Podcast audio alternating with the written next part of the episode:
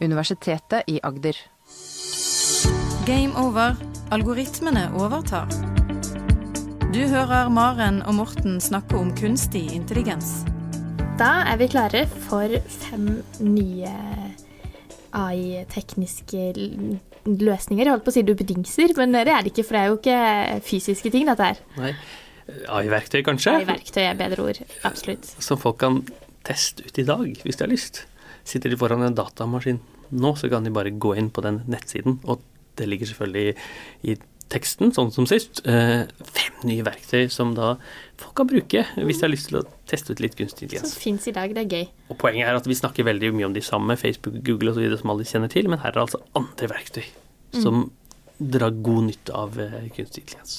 Og noen står Google bak, og store aktører. Noen er litt mindre aktører som står bak, er det sånn? Det er et godt poeng. Eh, ja, noen av de er de store tech-gigantene, Google og sånt, som står bak. for Fordi de står ofte bak veldig mye. Mens her er det små startuper også som har lyst til å eh, komme fram, og de må vi også løfte, selvfølgelig. Og sist så vi snakka vi jo mye om eh, dette med tekst og forskjellige skriveverktøy-ting. Hva er det som er hovedfokuset da? Nei, altså, eh, tekst er nok del av det, men vi er nok litt mer bilder osv. Det er jo Ja. to eh, deler kunstig intelligens er veldig, veldig god på. Tekst har de begynt å bli veldig god på, i hvert fall på engelsk de seneste årene. Bilder har den vært god på i ti år, i hvert fall. Så vi har jo sett mange av de bildeverktøyene allerede, fordi man er kjent med det på TikTok og alt mulig andre steder, hvor man analyserer, gjør, lager filter osv. Mens tekst er litt sånn nytt, og derfor er nok de litt mer sånn tekststyrt her, da. Så det er nok både tekst og bilder eh, som kommer til å farge mange av våre forslag i dag. Ja, det var spennende. Få høre. Hva er første? Det første går jo nettopp på tekst. da. Det heter eh, FigStack. Jaha. Eh, og det er en måte å oversette kode, programkode, til naturlig språk. Eller mellom to programkoder. Eller kommentere programkoden. Altså, jeg skriver en eller annen stor programkode, en funksjon i Python f.eks., og så kan jeg spørre om denne kunstig intelligensen kan forklare meg innholdet av den koden. For eksempel, det kan man gjøre, eller man kan eh, spørre spørsmål til koden, hva er den egentlig gjør. Eh, hvor- eh, og så vil den svare. Du kan sk- automatisk dokumentere. Hvis man skriver programkode, så skal man gjerne dokumentere. Og man kan estimere det som kalles tidskompleksitet. Hvor komplekst er noe, altså hvor lang tid kommer det til å ta, egentlig. Og så kan man oversette fra et språk til et annet. Så har jeg skrevet noe i Python og har lyst til å få det i Javascript, f.eks., som er et programmeringsspråk. Så Ja, så du kan ikke bare oversette til vanlig eh, tale, men også, eh, også andre programmeringsspråk? Ja. Er det litt motsatt fra det vi er Det er noen episoder siden så snakka vi om motsatt rekkefølge, at du hadde en tekst og gjorde den om til programmering, Ja. mens nå går vi motsatt vei. Ja, så det vi snakket om den gang var det som heter alfacode, hvor du da skriver en, en oppgave, og så får man kode. Og, eh, og dette er helt riktig motsatt vei. Her går man fra kode til eh, tekst. Eh, og alfacode er jo liksom helt i forskningsfronten. Som Ja. at det er ikke noe verktøy man egentlig kan bruke. Man må jobbe ganske mye for å få det til. Her er det man kan gå inn på nettsiden og teste i løpet av noen minutter. Så det er mer eh, allment, da. Ja. Eh. Men hvor godt funker det? Ja, jeg har eh, testet det. Eh, her har jeg lasta inn en programkode. Jeg tror ikke jeg skal lese selve koden, men jeg kan lese det som eh, kommer ut. Og jeg kan bare forklare hva den koden er. sånn at eh, Hvilke språk er det? Ja, det er i språket python, og det er en del av eh, for, som jeg gjør mye, da, det er kunstig intelligens som kategoriserer bilder, og et veldig sånn kjent bildeeksempel, egentlig. Eh, Og for meg som ikke kan denne kode, men ser, ser kodesnutten, så er det jo ja, mye parenteser og tall og eller mm, krøllalfaer og mm, ja. som det veldig ofte er i programkode, ikke sant. Så jeg, jeg, det kan godt hende du forstår programkoden, men du må i hvert fall bruke litt tid på å henge med på hva som står her. Så er spørsmålet om du klarer å forstå språklige som Ja. kommer ut. Nå har jeg oversatt den eh, lange programkoden her, relativt lange, til språk. Og det som kommer ut er jo da eh, på engelsk, så vi må ta det på engelsk. Men eh, fem punkter, så punkt én sier den First we import the Torch Vision package, which has data loaders for common datasets such as ImageNet, CIFAR, MNIST etc. Altså, det på norsk betyr at man laster inn pakken Torch Vision. Eh, Så er det det de gjør. Ja, det stemmer. Det stemmer på en prikk. Punkt nummer to. We download the training and test set, images and labels. Altså vi laster ned bildene, datasettene og kategoriene som er knyttet til disse bildene. Det stemmer også på en prikk. Ja. We use a data loader uh, to get batches of images. Vi bruker en datalaster for å få gruppering av bildene. Det stemmer også helt perfekt. So we use grid of images to see what our batch looks like. Eh, og da er det altså vi bruker en, eh, en sånn grid, en gruppering av bildene, som, så vi kan se og visualisere de. Og det stemmer også. We print out the classes for the labels. Altså vi printer ut klassene for, for eh, Mm. kategoriene.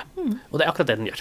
Så dette er en del av programkode hvor vi da laster inn en pakke som heter TorchVision, eh, som er veldig mye brukt, og da får man til masse datasett. Laster inn bildene, presenterer de i en grid, altså en firkant, fire ganger fire eller noe sånt, og presenterer det for, for brukeren. Så eh, det stemmer helt, men det er jo fortsatt skrevet liksom du, du må kunne litt teknisk for å forstå det likevel. Eh, Ja, det tror jeg også. Du må vite hva en klasse er, eller forstå litt hva Du har nok helt rett i det. Eh, og Torch Vision-pakken, for eksempel. Det er ikke, det er ikke allment kjent, kanskje. Nei. Eh, og det kan man jo si, men eh, Kanskje er det fremdeles på et sånn litt for teknisk nivå. Eh, men som en Jo, dokumentering men av litt mer forståelig likevel. Ja. Ja, jeg syns jeg absolutt, da. Jeg vil jo si at eh, jeg som kjenner den koden godt, ville brukt ganske mange minutter på å liksom skjønne hva koden egentlig gjør. Mm. Uh, mens eh, her vil jeg da si at uh, her henger jeg nok litt mer med, litt Mm. fortere. Mm. Så hvis jeg skulle spurt, spurt en annen programmerer, en utvikler, hva gjør den koden, så kunne det vært omtrentlig det som blir fortalt Ja. til meg. Ja. Eh, så det betyr jo da at man har jo da en måte å fortelle for mellomledere f.eks. hva en programkode gjør. Mm. Hvis man dytter inn en, en funksjon eller en eh, programsnutt eller en prosedyre, så kan man få det presentert, og man kan eh, og det skillet mellom programkode Noen er veldig veldig glad i den språket, andre er veldig veldig glad i det språket. Mm. Og det er i ferd med å viske seg litt ut, fordi man har verktøy som kan dytte det fra. Dytte det over i andre. Eh, så- Men så kan man også si at her kunne man programmere man kunne gått enda mer i detalj.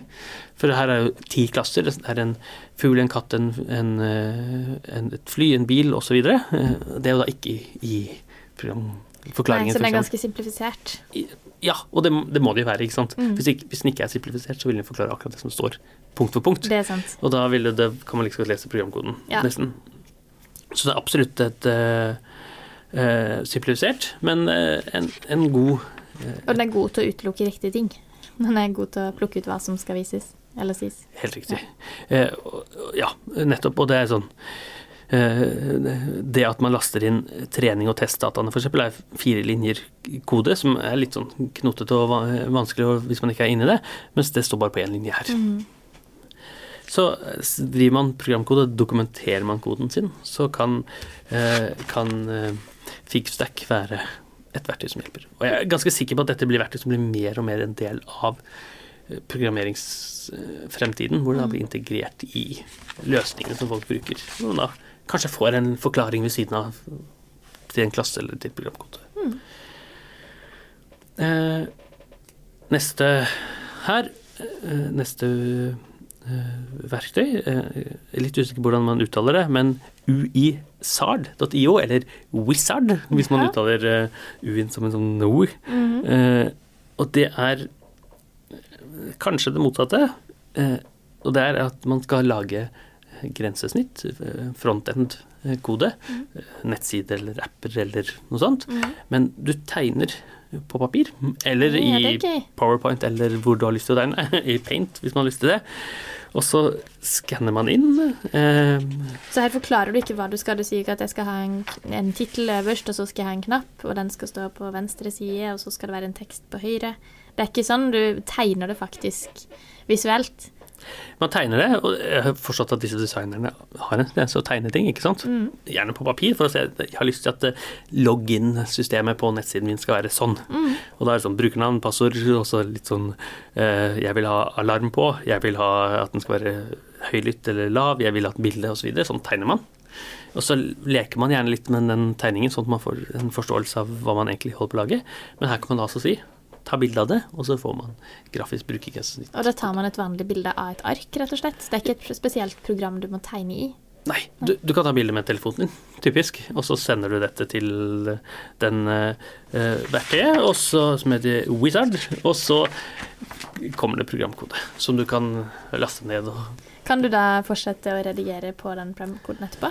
Ja, for da blir det f.eks. HTML-kode, Ja. eller uh, Java-kode hvis man skal lage en eh, Android-app, f.eks. Så det kan man jo absolutt ha. Og det vil man jo typisk gjøre, da, for det, det, når man ser eh, hvordan nettsiden egentlig ser ut, så kanskje ikke jeg hadde lyst til at den boksen skal være så lang Mm. som jeg tenkte. Så det Mm. må man jo selvfølgelig gjøre.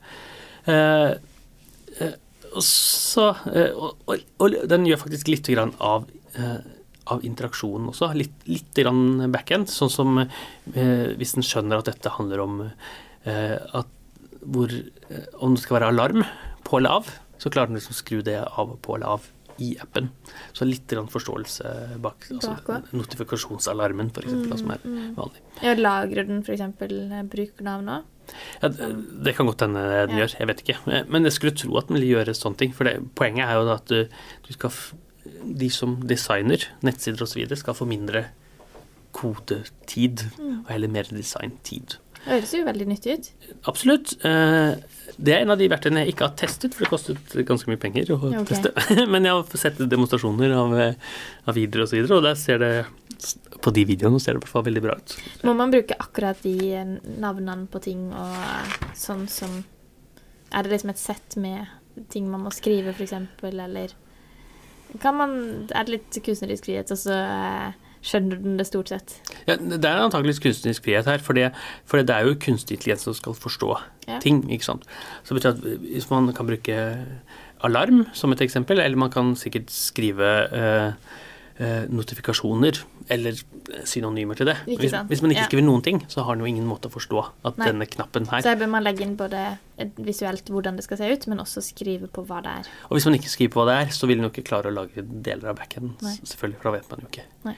Eh, Her er så- det bare et felt, men man vet ikke hva som skal være inni det Ja. feltet. Men typisk også en knapp som heter setting, som er det ene eksempelet her. Der vil det komme opp et sånt settingsvindu, da. Eh, og så må man selvfølgelig tegne eller tegne et settingsvindu også, hvis man har lyst til det. Men eh, Så man kan sende inn flere sider. ja, ja. Dette er forsida, og så skal vi gå til denne sida, og så er det denne. Og så er, det være, så er i hvert fall tanken at det er en integrert del av prosessen. Det er nyttig. Så da man, eh, kan man enten Da har vi både et eksempel hvor man oversetter programkode til naturlig språk, og bilder til programkode. Ja, spennende. Så programmeringsverden endrer seg.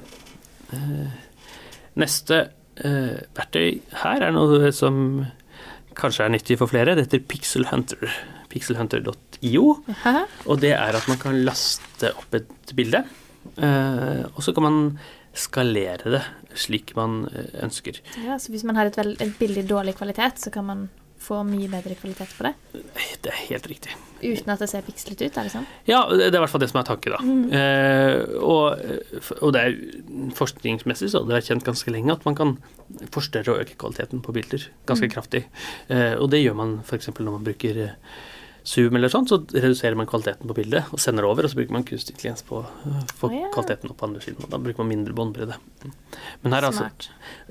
Det er ganske smart. Og, da, og her er det da, hvis jeg har et eh, 50 ganger 50 pixel-bilde og ønsker et 1080 ganger 1080 f.eks., eller en annen skalering, Mm. så kan man gjøre det.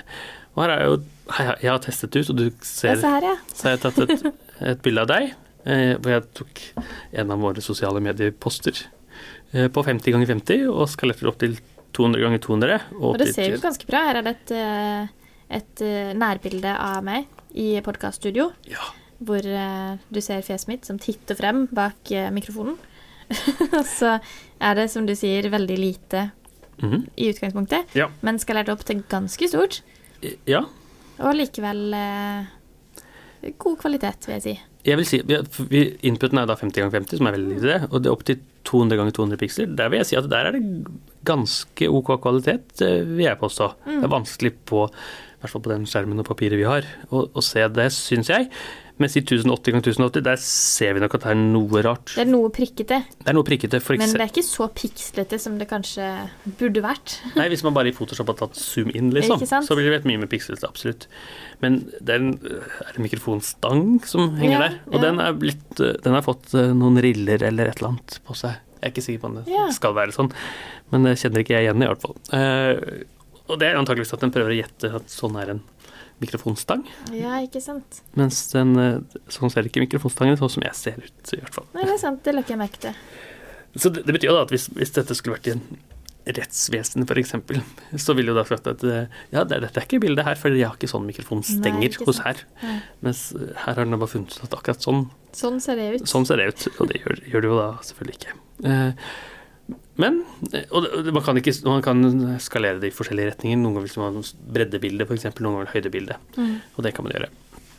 Så det beste er nok å gå nærmere eh, hvis man skal ta bilde, og zoome inn med et ordentlig kamera Det er klart. Har man mulighet til å ta bilde på nytt? Ja. Men eh, det hadde ikke vi, så derfor brukte vi dette verktøyet. Wizard. Ja, smart. Så fikk du et stort bilde av meg. Ja, da kan jeg bruke det til det jeg har lyst til. Ok.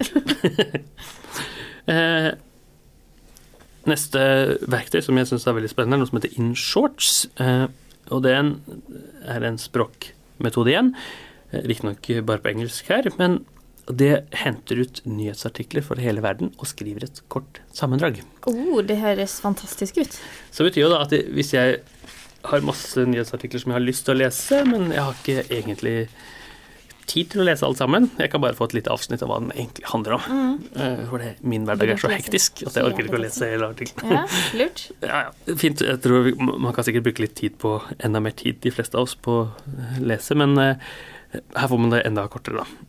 Eh, og det fungerer overraskende bra, syns jeg. Okay. Når vi var inne og tittet, så var det mye indiske nyheter, så det har en eh, følelse av at dette kommer fra et eller annet sted i India, hvor det, eh, de har mer indiske aviser enn en, en, enn- enn engelske og amerikanske. Mm. Men det er eh, eh, Forkortelsene er ganske gode. Eh, Jeg har et eksempel. Det var en lang tekst om Elon Musk, som eh, har da eh, kanskje kommer til, eller, eller i hvert fall er i ferd med å kjøpe eh, Twitter. Kanskje når dette går på eh, lufta, så er det oppkjøpt. Mm. Så Elon Musk har tenkt å kjøpe opp Twitter, er i hvert fall tanken. da. Eh, Og så vet vi ikke helt om det går. Men eh, da var det en lang setning, en lang, et langt nyhetsartikkel som handler da om Han mener at Twitter i dag eh, er veldig robotvennlig. Altså sånne det dårlige roboter som lager ting. Og okay. hele den lange flersidesartikkelen er sammendratt sånn som dette, riktignok på engelsk. Tesla CEO Elon Musk said Twitter has very bot-friendly rules.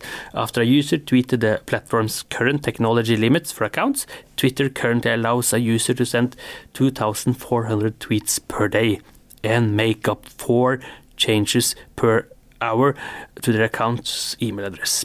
Uh, Musk earlier put on hold the 44 billion deal to acquire Twitter over fake account data. Så dette er altså en lang artikkel som handler om eh, Elon Musk, og han mener at eh, Twitter er litt for dårlig for uh, disse robot-tweeterne Mm. som lager reklame og spam osv. Man kan uh, ha 2400 tweet, twitringer om dagen, som er veldig mye for et menneske. Mm. Det er ett i minutt. Et, uh, ja, 100 i timen i hvert fall. Og så får vi da en kort sammendrag av den lange artikkelen, hvis man ikke orker å lese det. Det er jo veldig kjekt. Ja. Men er det et utdrag aviser som ligger der inne, og så må man uh, få utdrag kun for de?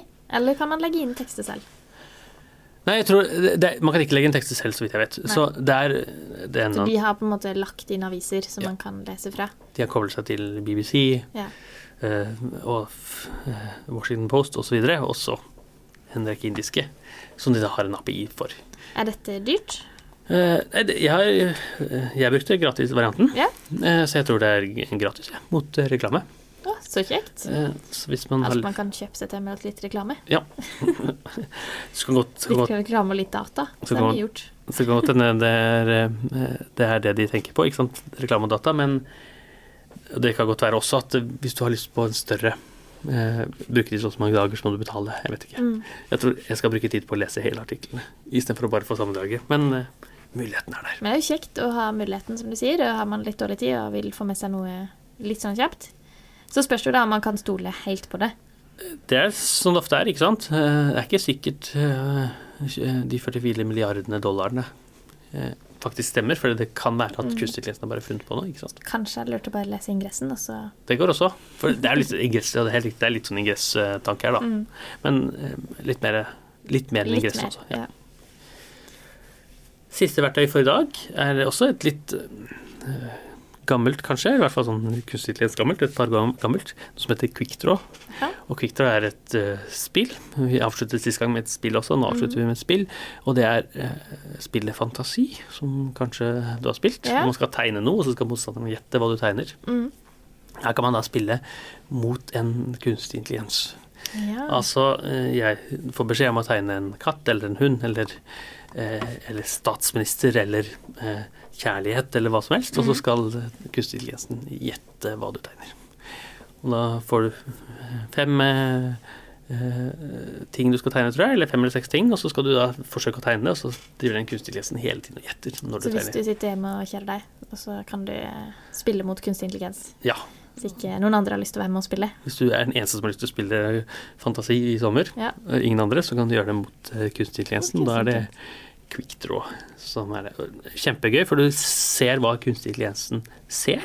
Ja. For du tenker at eh, Når du skal tegne en katt, eksempel, så begynner den, å, begynner den å gjette allerede når du tegner første strek. Og du tenker ja, er det sofa? Er det, er det hund? Ikke sant? Ja. Og så kanskje de spisse ørene kommer etter hvert, og da skjønner du at, den, eh, at det er en katt. Da er det lett å Og da er det lett å skjønne mer hva kunstig intelligens skjønner. For da tenker Mm. jeg akkurat nå tenker jeg at det er en katt. Kan lære litt mer om kunstig intelligens, rett og slett. Altså, Riktig. nei, Og hvis, du, og hvis, du, hvis den kunstige intelligensen ikke klarer å gjette innen 20 sekunder, Mm. tror jeg, så, eh, så går det over til neste oppgave. Okay. Og da kommer det eh, Etterpå får du beskjed om de andre som har tegnet katt, de tegnet sånn. Ah, Og noen ganger så jeg misforstår det litt, ikke sant? for det er ikke, da, katt er kanskje lett, da, men litt sånn type uh, Wave kan være bølge, ikke sant, men det kan også være en sinusbølge. ja. Så lett å Hmm. uh, Så kan du se hva de andre faktisk har tegnet når de har oppfatta det. Helt riktig. Og, så blir det morsomt, da. Men og så går det litt sport i å være den som er flinkest til å tegne, sånn at kunstig intelligensen skjønner. Ikke nødvendigvis Forstår tegnes det kjapt. Ja, ja. Ja. Fortere, du- fortere får kunstig intelligens til å forstå hva du har tegnet. Så du spiller på lag med kunstig intelligens, egentlig. På mange måter så gjør det det. Mm. Du og kunstig intelligensen sammen om et tegnespill. Ja. Så et av spillene, så man, hvis man er lei av å spille brettspill med andre, eller er det eneste som har lyst til å spille fantasi, så er quick draw løsningen. Da må lytterne kose seg med det i sommer. Og Riktig. så er det Kommer vi tilbake med fem nye, tror jeg. Så kommer vi tilbake med fem nye. Det tror jeg vi skal gjøre om noen uker. Noen uker blir det kanskje. Du hører Maren og Morten snakke om kunstig intelligens. Har du spørsmål til Maren og Morten, send en e-post til gameover alfakrølluia.no. Universitetet i Agder.